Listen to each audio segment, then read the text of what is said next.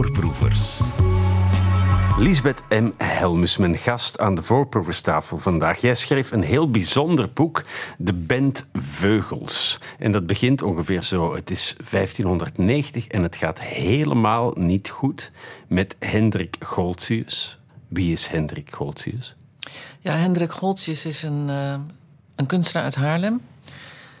Die eigenlijk al heel lang een reis naar Rome wil maken. Maar hij stelt dat uit, het komt er maar niet van. En op een gegeven moment wordt hij heel erg ziek. Ja, hij is op sterven na dood. Hij, hij ligt in zijn bed. Dood. Ja, ja, ja, en hij braakt alleen maar gal op. En op een gegeven moment denkt hij... nou, als ik dan toch ga sterven... laat ik dan in vredesnaam nog maar die toch naar Rome gaan ondernemen. Hij is getrouwd inmiddels, dus hij is een gevestigd kunstenaar. Mhm. En een bekende manierist. Een hele belangrijke prentkunstenaar ook. En dan gaat hij op weg. En eigenlijk, hoe verder hij van huis raakt, hoe beter hij wordt. Ja, het is, een, het is natuurlijk een grappige anekdote van Karel van Mander. Want je denkt dan toch dat er misschien wel meer aan de hand is. Ja. Dat hij niet voor niks uh, zich zo ellendig voelt. Maar het gaat steeds beter met hem. En hij komt in Rome en hij gaat er als een dolle aan het werk. Hij gaat tekenen, tekenen. En hij reist trouwens incognito. Ja. Maar dat, dat, dat, was eigenlijk niet zo heel raar dat dat zijn wens was, of zijn laatste wens om naar Italië te gaan. Hè? Want, want Italië was toen ja, iets helemaal anders dan wat het nu is. Geen, geen vakantieland met pizza, pasta en Negroni. Het was wel een soort essentiële halte op het levenspad van wie er toen toe deed. Hè? Rijke burgers, aristocraten, kunstenaars, schilders ja. moesten in Rome geweest zijn. Dat klopt. Rome was eigenlijk wel het, de ultieme plek om naartoe te gaan. Als je kunstenaar was of geleerde of wat dan ook, reizen deed je naar het zuiden.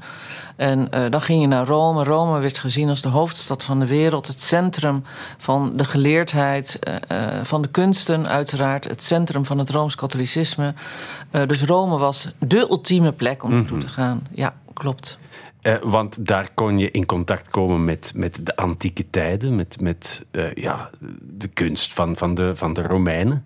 De Grieken ook waren daar te zien. Dat, dat was heel belangrijk om, om in een soort van gesprek te staan met dat uh, rijke verleden.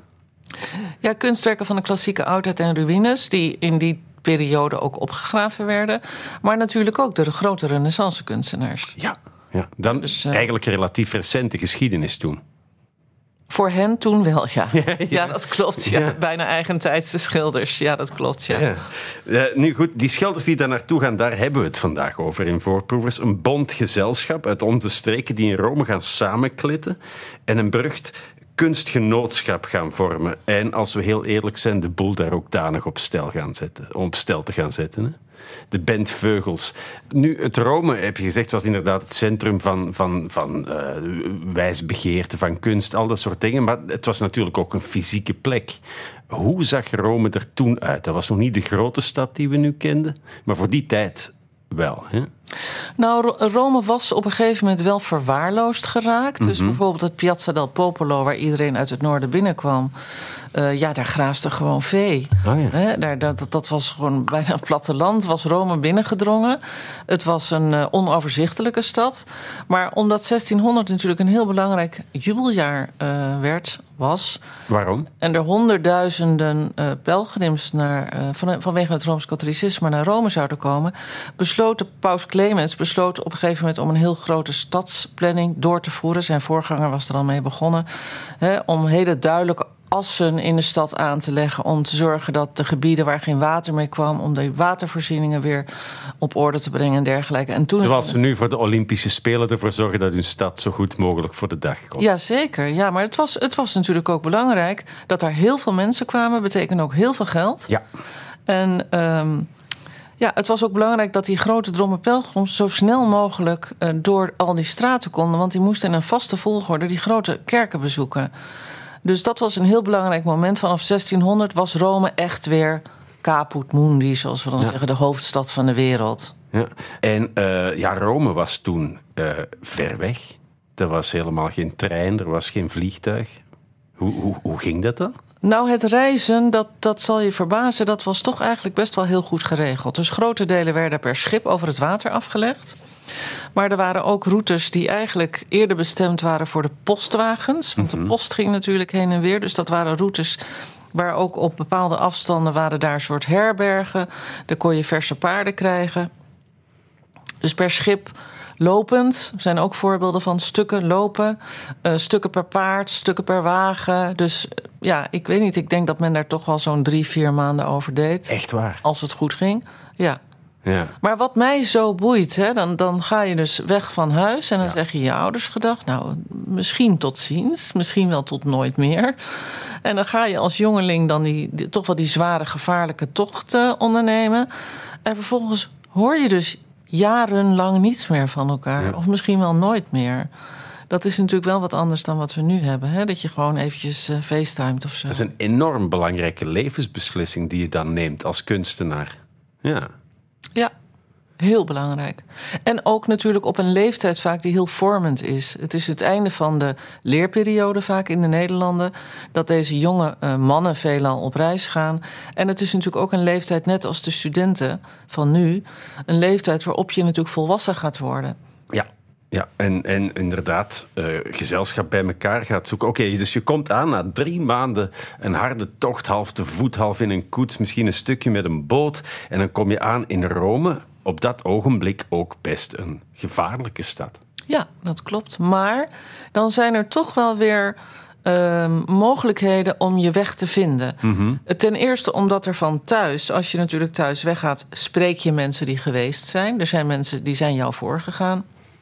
Er waren ook reisbeschrijvingen. Ja, reisgidsen zelf. Die reisgidsen, en dat is ontzettend grappig, want er is een hele bekende reisgids die op een gegeven moment in het Nederlands is vertaald vanuit het Duits, die eigenlijk beke- bes- be- bedoeld was voor de pelgrims, voor de, voor de Religieuze, ja. religieus. En hij zegt ook ergens van nou, eh, sorry dat er misschien wat te veel Rooms-Katholieke dingen in zijn. Moet je dan maar overslaan. Het baat het niet. Het schaadt ook niet. Maar Er staan ook cafés en restaurants in. er staan ook, en, en ook adviezen. Hè? Ook Ja, ja, Karel. Karel van Mander, de belangrijke kunstenaarsbiograaf, schrijft in 1604 ook al van reis, eh, wees voorzichtig op reis, leen niet je geld uit, ga niet naar lichte vrouwen, Mhm. eh, wees bescheiden, pas je aan aan de landen en aan het volk waar je naartoe gaat. Zoek zo snel mogelijk als je er bent landgenoten op. En er zijn bepaalde cafés op dat moment ook al in Rome waar gewoon landgenoten aan het werk zijn die de taal spreken en die je wegwijs kunnen maken. Eh, nu, eh, die Italië-reis vormt die jonge mannen. Eh, die gingen daar vooral op zoek naar een soort van inspiratie voor, voor waar ze mee bezig waren. Daar gebeurde het allemaal. Wat was er op dat ogenblik zo bijzonder aan de Italiaanse kunstscène? Nou, de grote, grote vernieuwer is natuurlijk Caravaggio geweest. Dus veel kunstenaars uit heel Europa zijn naar Rome gereisd om de werken van Caravaggio te bekijken, die toen echt al natuurlijk grote naam en gerucht, staat er letterlijk, eh, had gemaakt. Caravaggio, de absolute wereldster van zijn tijd. Geen onbesproken figuur. Maar zijn werk overstijgt moeiteloos zijn persoonlijke perikelen. Wat trok die Noorderlingen zo aan in zijn werk? Ja, dat is eigenlijk natuurlijk een hele goede, maar ook een hele ingewikkelde vraag. Ik denk wat iedereen trof op dat moment was toch wel die, dat realisme. Hoewel realisme een moeilijke term is als het gaat over de schilderkunst. Want wat is reëel? Wat is echt? Wat is letterlijk do, de door ons omringende omgeving? Ik denk dat de, de, de enorme barokke emotie van zijn werken, de, de dichtbijheid ervan, Dramatische de, de belichting. dram- dramatiek ervan, de monumentaliteit, de heftigheid. Ik denk dat het eh, insloeg als een bom.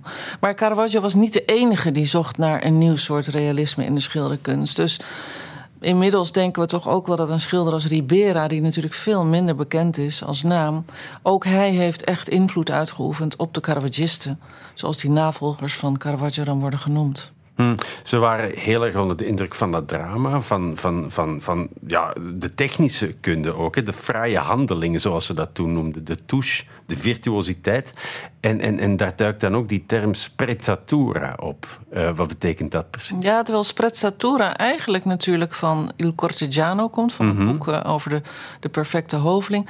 Ja, sprezzatura is eigenlijk iets heel ingewikkelds doen, terwijl het lijkt doen lijkt alsof, je geen enkele moeite kost. ja, ja, hè? ja, Dus, dus een soort van gemak van, eh, van bewegen en handelen, eh, waar iedereen jaloers op is, maar wat de persoon die het moet uitvoeren eigenlijk best eh, ingewikkeld vindt. Mhm. Ik vind het heel leuk om te zien in musea hoe zeer eh, schilders ook van hier beïnvloed waren door Caravaggio, maar er toch een soort van onhandige versies van maken. Want hij was echt heel goed. Hè? Hoe moeilijk was het om hem te benaderen? Nou, ik weet niet of iedereen hem wilde benaderen. Dat Ah. is, want, nou ja, kijk, iedereen keek natuurlijk wel. Iedereen keek naar dat werk van Caravaggio, maar ook van Correggio en ook van de Carracci. Ehm, ik denk dat veel schilders naar zijn werk keken en naar het werk van zijn andere tijdgenoten in Rome, maar er wel degelijk een soort van eigen interpretatie van maakten. Want die schilders kwamen natuurlijk van een andere, hadden een andere afkomst, waren geboren op een andere grond. Een andere omgeving, ander, ander onderwijs. Nou, natuurlijk misschien wel vergelijkbaar onderwijs, maar wel van een hele andere Tuurlijk. leermeester. Dus dat zie je ook bij die navolgers, die dan een beetje flauw navolgers worden genoemd. Maar dat zijn geen kopiisten. Hè? Het zijn natuurlijk uiteindelijk allemaal schilders, eh, ja, kunstenaars puur zang, die hun eigen interpretatie deden van, Ja. die, eh, van Caravaggio. Ja, heel veel mensen zijn naar die eh, Theodor Rombouts tentoonstelling gegaan in het MSK in Gent. Dat is een Caravagist. En, en, en ja, daar zie je dat heel goed. Hè? Maar zo kan iedereen zich een beetje voorstellen waar we het over hebben misschien. Nou, Rombouts is een goed voorbeeld. Ten eerste complimenten. Ik vond het een prachtige tentoonstelling. Die combinatie met die muziekinstrumenten, echt, ik vond het schitterend. Eh Rombouts is een interessante kunstenaar. Een typische Caravagist, dat zie je ook. Ja. Zijn werk is ook vergelijkbaar bijvoorbeeld met dat van de Utrechtse Caravagisten. Maar toch is hij typisch een Vlaming, Ja. als ik dat woord mag gebruiken. Omdat hij toch naar Rubens ook kijkt. Dus er zijn heel duidelijk in zijn schilderijen kenmerken te vinden... die niets met de Italiaanse schilderkunst te maken hebben. En dat maakt het ook interessant natuurlijk om die kunstenaars te bestuderen. Ja, eh, Van Mander, die schrijver van die reisgids, die schreef ook van je moet eigenlijk naar Rome gaan om te stelen en te rapen. Geef je ogen goed de kost, kijk hoe alles in elkaar zit. En, en daar, daar werd naar geluisterd, hè, die bentveugels. En eindelijk zijn we er. Eh, eh, wat betekent eigenlijk een bentvogel? Een bentvogel, dat is een bende vogels. En een bende, ja, er is wat discussies over of bende nou bond betekent. Ik denk dat bend toch bent in de zin van bende. Volgens mij heet jij ook bent. Ja, Ik weet niet waar dat vandaan om het komt. nog ingewikkelder te maken. Is dat een, is dat een, een is eigenlijk, eigenlijk een naam? Deense naam. Ja, Een dat is- Deense ja, naam. Ja, ja. En je schrijft het ook met een... Is, eh, precies zoals de bentvogels, ja. met een T. Nou goed, jij bent geen bentvogel. Nee. Nou, misschien ook wel. Maar zoals het Engels, als je zegt een, een groep, een muziekgroep is een band ook. Hè? Dus Het misschien is een het dat- groep. Ja, het is een groep. Ja, je zou kunnen zeggen een zootje ongeregeld. Vogels van diverse pluimage. En dat heeft ook heel erg te maken met het feit dat er ten eerste allemaal verschillende soorten kunstenaars Ja. bij waren. Dus ook prentkunstenaars, schilders. eh, Miniaturisten enzovoort. Maar ook al die schilders werkten in een verschillende stijl. Mhm. En ook hadden een onderwerpskeuze was heel erg Ja, uiteenlopend. ja, dus er was geen, geen stilistische overeenkomst zoals bijvoorbeeld bij de school van Barbizon, dat ze elkaar gingen interviewen. Dit, dit was echt gewoon rondhangen met vrienden, wat ze ook deden. Nou, het was ook wel serieus rondtekenen met, met vrienden. Samen naar Tivoli en samen tekenen. Ja. Dat tekenen en dat tekenen, dat is natuurlijk het allerbelangrijkste wat er is. En dat is wel natuurlijk wat hen heel erg met elkaar verbindt. Overal tekenen ze op? Ook, ook op muren bijvoorbeeld. Eh, eh, daar maakten ze een soort van, van spotprinten van elkaar. Eh, dat vond ik wel heel mooi om, om, om te lezen. Ja, dat is grappig, maar ik heb daarover nagedacht. En ik denk ook inderdaad, als je een kunstenaarsgroep bent en je hebt een vast lokaal in een kroeg. Ja. waar je altijd bij elkaar komt. Ja, wat ga je dan op een gegeven moment doen als je, als je een wijntje te veel op hebt? Dan ga je op de muren tekenen. En het, we weten ook dat die muren eens per jaar weer gewit werden. Dus daaronder zitten Eh, nog allemaal portretten van... nou, ah, Ik ben weet. bang dat we dat oorspronkelijke lokaal ook niet meer hebben. Maar inderdaad, zij tekenen op de muren. Dat is heel grappig. Het is echt gra- graffiti. Ja, spotsgewijze schreven ze eh, in die fijne eh, ouderwetse spelling. Ehm, ja, hoe, moet, hoe moeten we ons dat voorstellen, die graffiti? Hoe, hoe, hoe, hoe zag dat eruit? Heel vaardig getekend wel? Nou, eigenlijk, ja, voor zover we dat natuurlijk weten. We hebben één tekening waarin je echt het lokaal ziet met, Ja. die, eh, met die figuurtjes op de muren. Eh, die, is, die tekening is gemaakt door Pieter van Laar. Wat natuurlijk een fantastische kunstenaar Mhm. is. Maar als je ziet wat hij als graffiti op de muur doet, dan is dat een profieltekening van zijn eigen hoofd. Ja. Met daarnaast een soort gek poppetje. Dus inderdaad, het gaat meer over karikaturale Ja, tekeningen ja. dan serieus werk. Ja, ja, ja. Eh, nu, er waren heel bekende, succesvolle schilders in de club. Eentje zelfs eh, in dienst van de koningin van Zweden. Waren ze allemaal rijk en succesvol? Of hingen er ook een soort van onbekende would-be Er zijn heel, ja, heel veel namen van schilders waar we geen werk van hebben. Echt waar? Ja. Die toch in de annalen van de bandvogels zijn opgetekend. Ja. Ja. ja. oké. Ehm, nu, uh, we hadden het daar net al even over. niet alleen op de muren tekenen was een ding, maar vooral buiten tekenen. Op straat. Waarom? Um, waarom? Omdat de natuur, naar de natuur tekenen, uh, was het allerbelangrijkste. Eigenlijk gaat het op een bepaalde manier, denk ik, een, nog een stap verder dan Caravaggio. Uh, zeker als het gaat om de schilders. We krijgen natuurlijk die hele groep landschapsschilders, hè, die zogenaamde ja. Italianisanten, die dan uh, echt die Italiaanse natuur tekenen en ook daarna schilderen.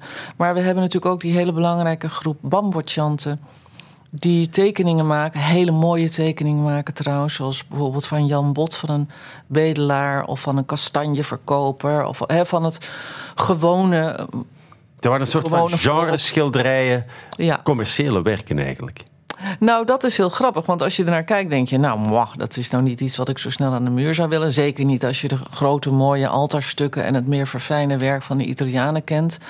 Maar dit soort kleinere ezelschilderijen, dus schilderijen die op een ezel werden gemaakt, dus kleiner waren van formaat, vonden gretig aftrek bij de Romeinse elite. Over op straat tekenen, dat vond ik mooi dat er dan ook af en toe Italiaanse meesters voorbij kwamen en, en opmerkingen gaven, soms zelfs geld, om, om de kunstenaars hun collega's aan te moedigen. Het was een soort van, van straatacademie, zou je kunnen zeggen. Een leerschool op straat.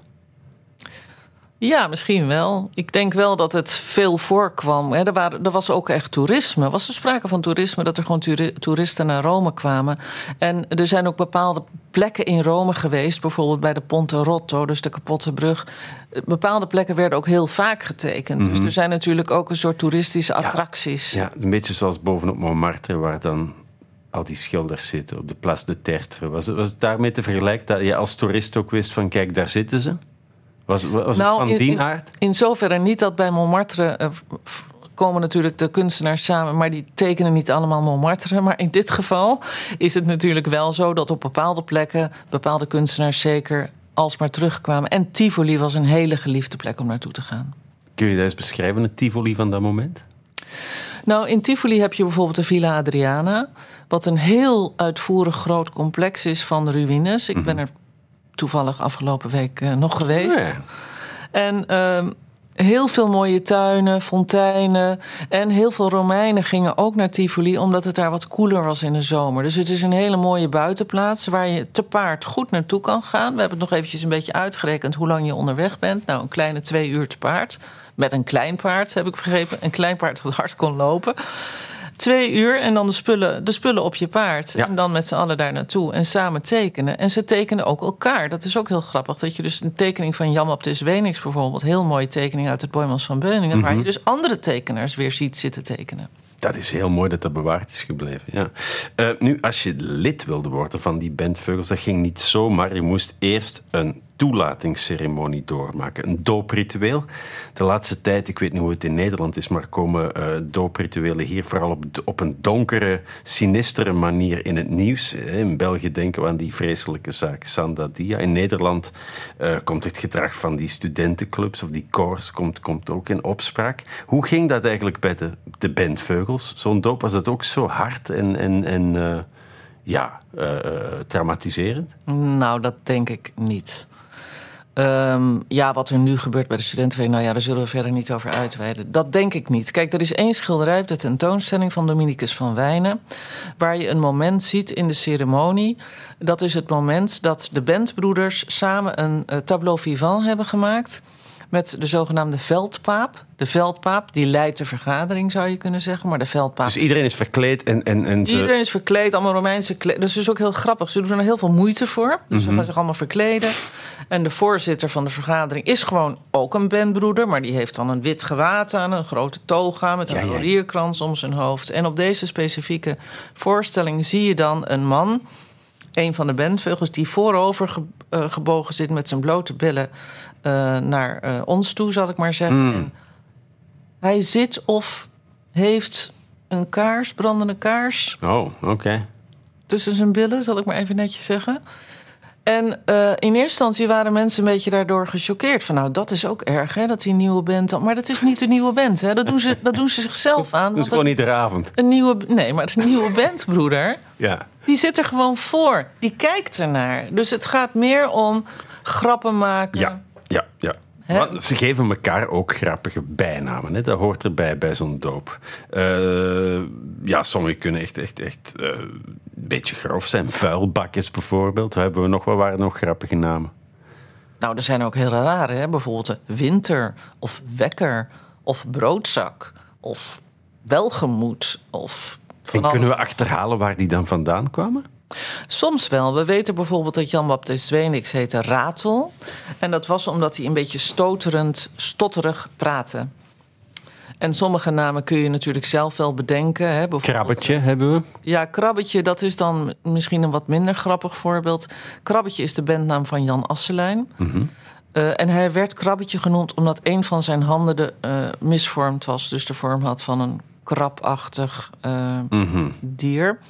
Wat wel opmerkelijk is, is dat hij dus zelfs in 18e eeuwse inventarissen worden zijn schilderijen nog gewoon vermeld als een landschap van krabbetje.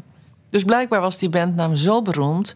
Er is ook een heel mooie uh, gravure gemaakt door Rembrandt met zijn portret. Ja. En daaronder staat Jan Asselijn alias Krabbetje. Oké, dat is echt zijn artiestennaam bijna.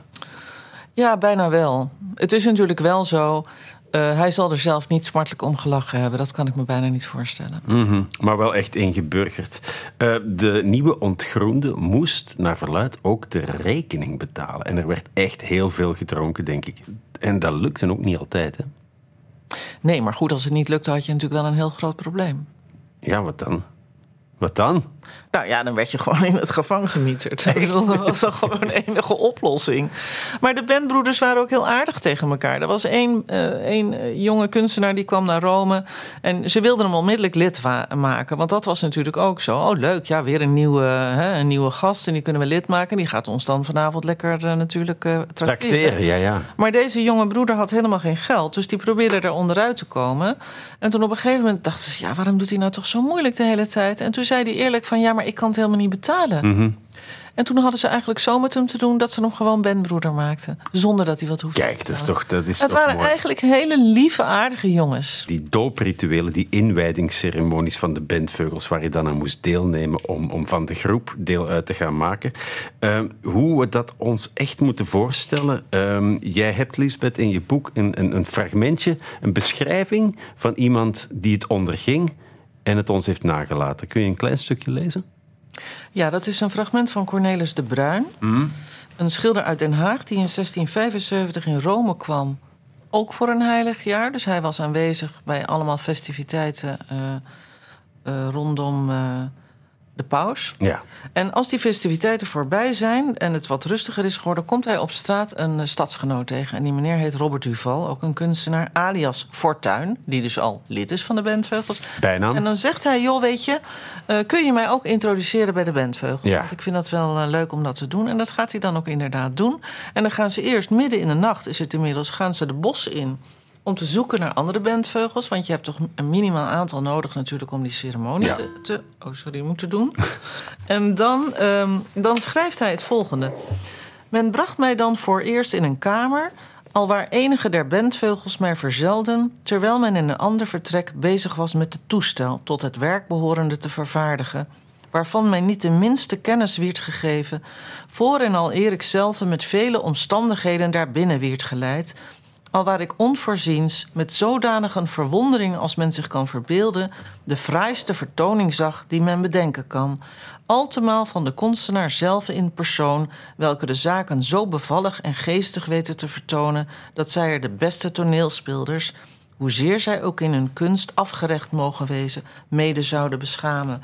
Dus dit stukje gaat natuurlijk over dat tableau vivant. Ja, ja, ja. Waarbij die kunstenaars zich dus als toneelspelers... Helemaal uh, opgekleed hebben. Precies. Als een beetje in een opera bevroren staan. Ja, ja, dat moet een enorme verrassing zijn voor, voor de gedoopte. Uh, in het boek staat er ook een, een, een beschrijving van uh, een schilderij van Willem Doudijns, een van de bandveugels. En die situeert die ontgroeningsceremonie dan weer in een soort van palazzo, ook heel weelderig. je schrijft even later in het boek... In werkelijkheid werd dat meestal niet in uh, Palazzo gedaan, maar gewoon in een kroeg, in een herberg.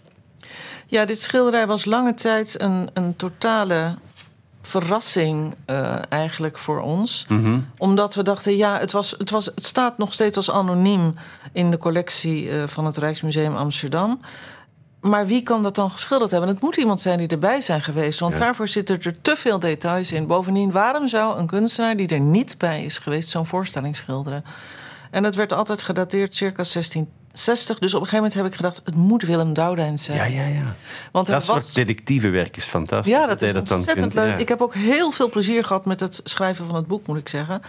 Maar goed, in 1661 komt Doudeins terug in Den Haag. Mhm. En dan wordt hij lid van de Haagse kunstenaarsclub Pictura. Ja.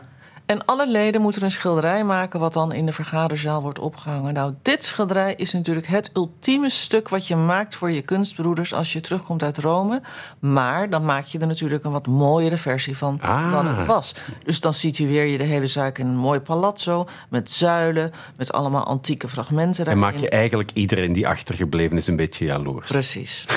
Dat is het idee. Dus het kan bijna niet anders dan dat dit daarvoor bestemd was. Ja, eh, dan was er ook nog zoiets als de overhandiging van de bandbrief. Dat kreeg je dan wanneer je toegelaten was, geloof ik. Hè? Ja, dan kreeg je de bandbrief. Want als dat tableau vivant er dan was, dan werd je dus toegesp toegespreek, eh, toeges eh, dan, dan kreeg je dus een toespraak van de, van de veldpaap. En die schreef jou de regelen der kunst voor, die je dan eh deemoedig allemaal moest natuurlijk accepteren. Dus je, moest, je was het groentje, dus je moest je hoofd buigen. En als dan alles achter de rug was, dan had men een bandnaam voor jou bedacht. En dat deden de bandbroeders samen.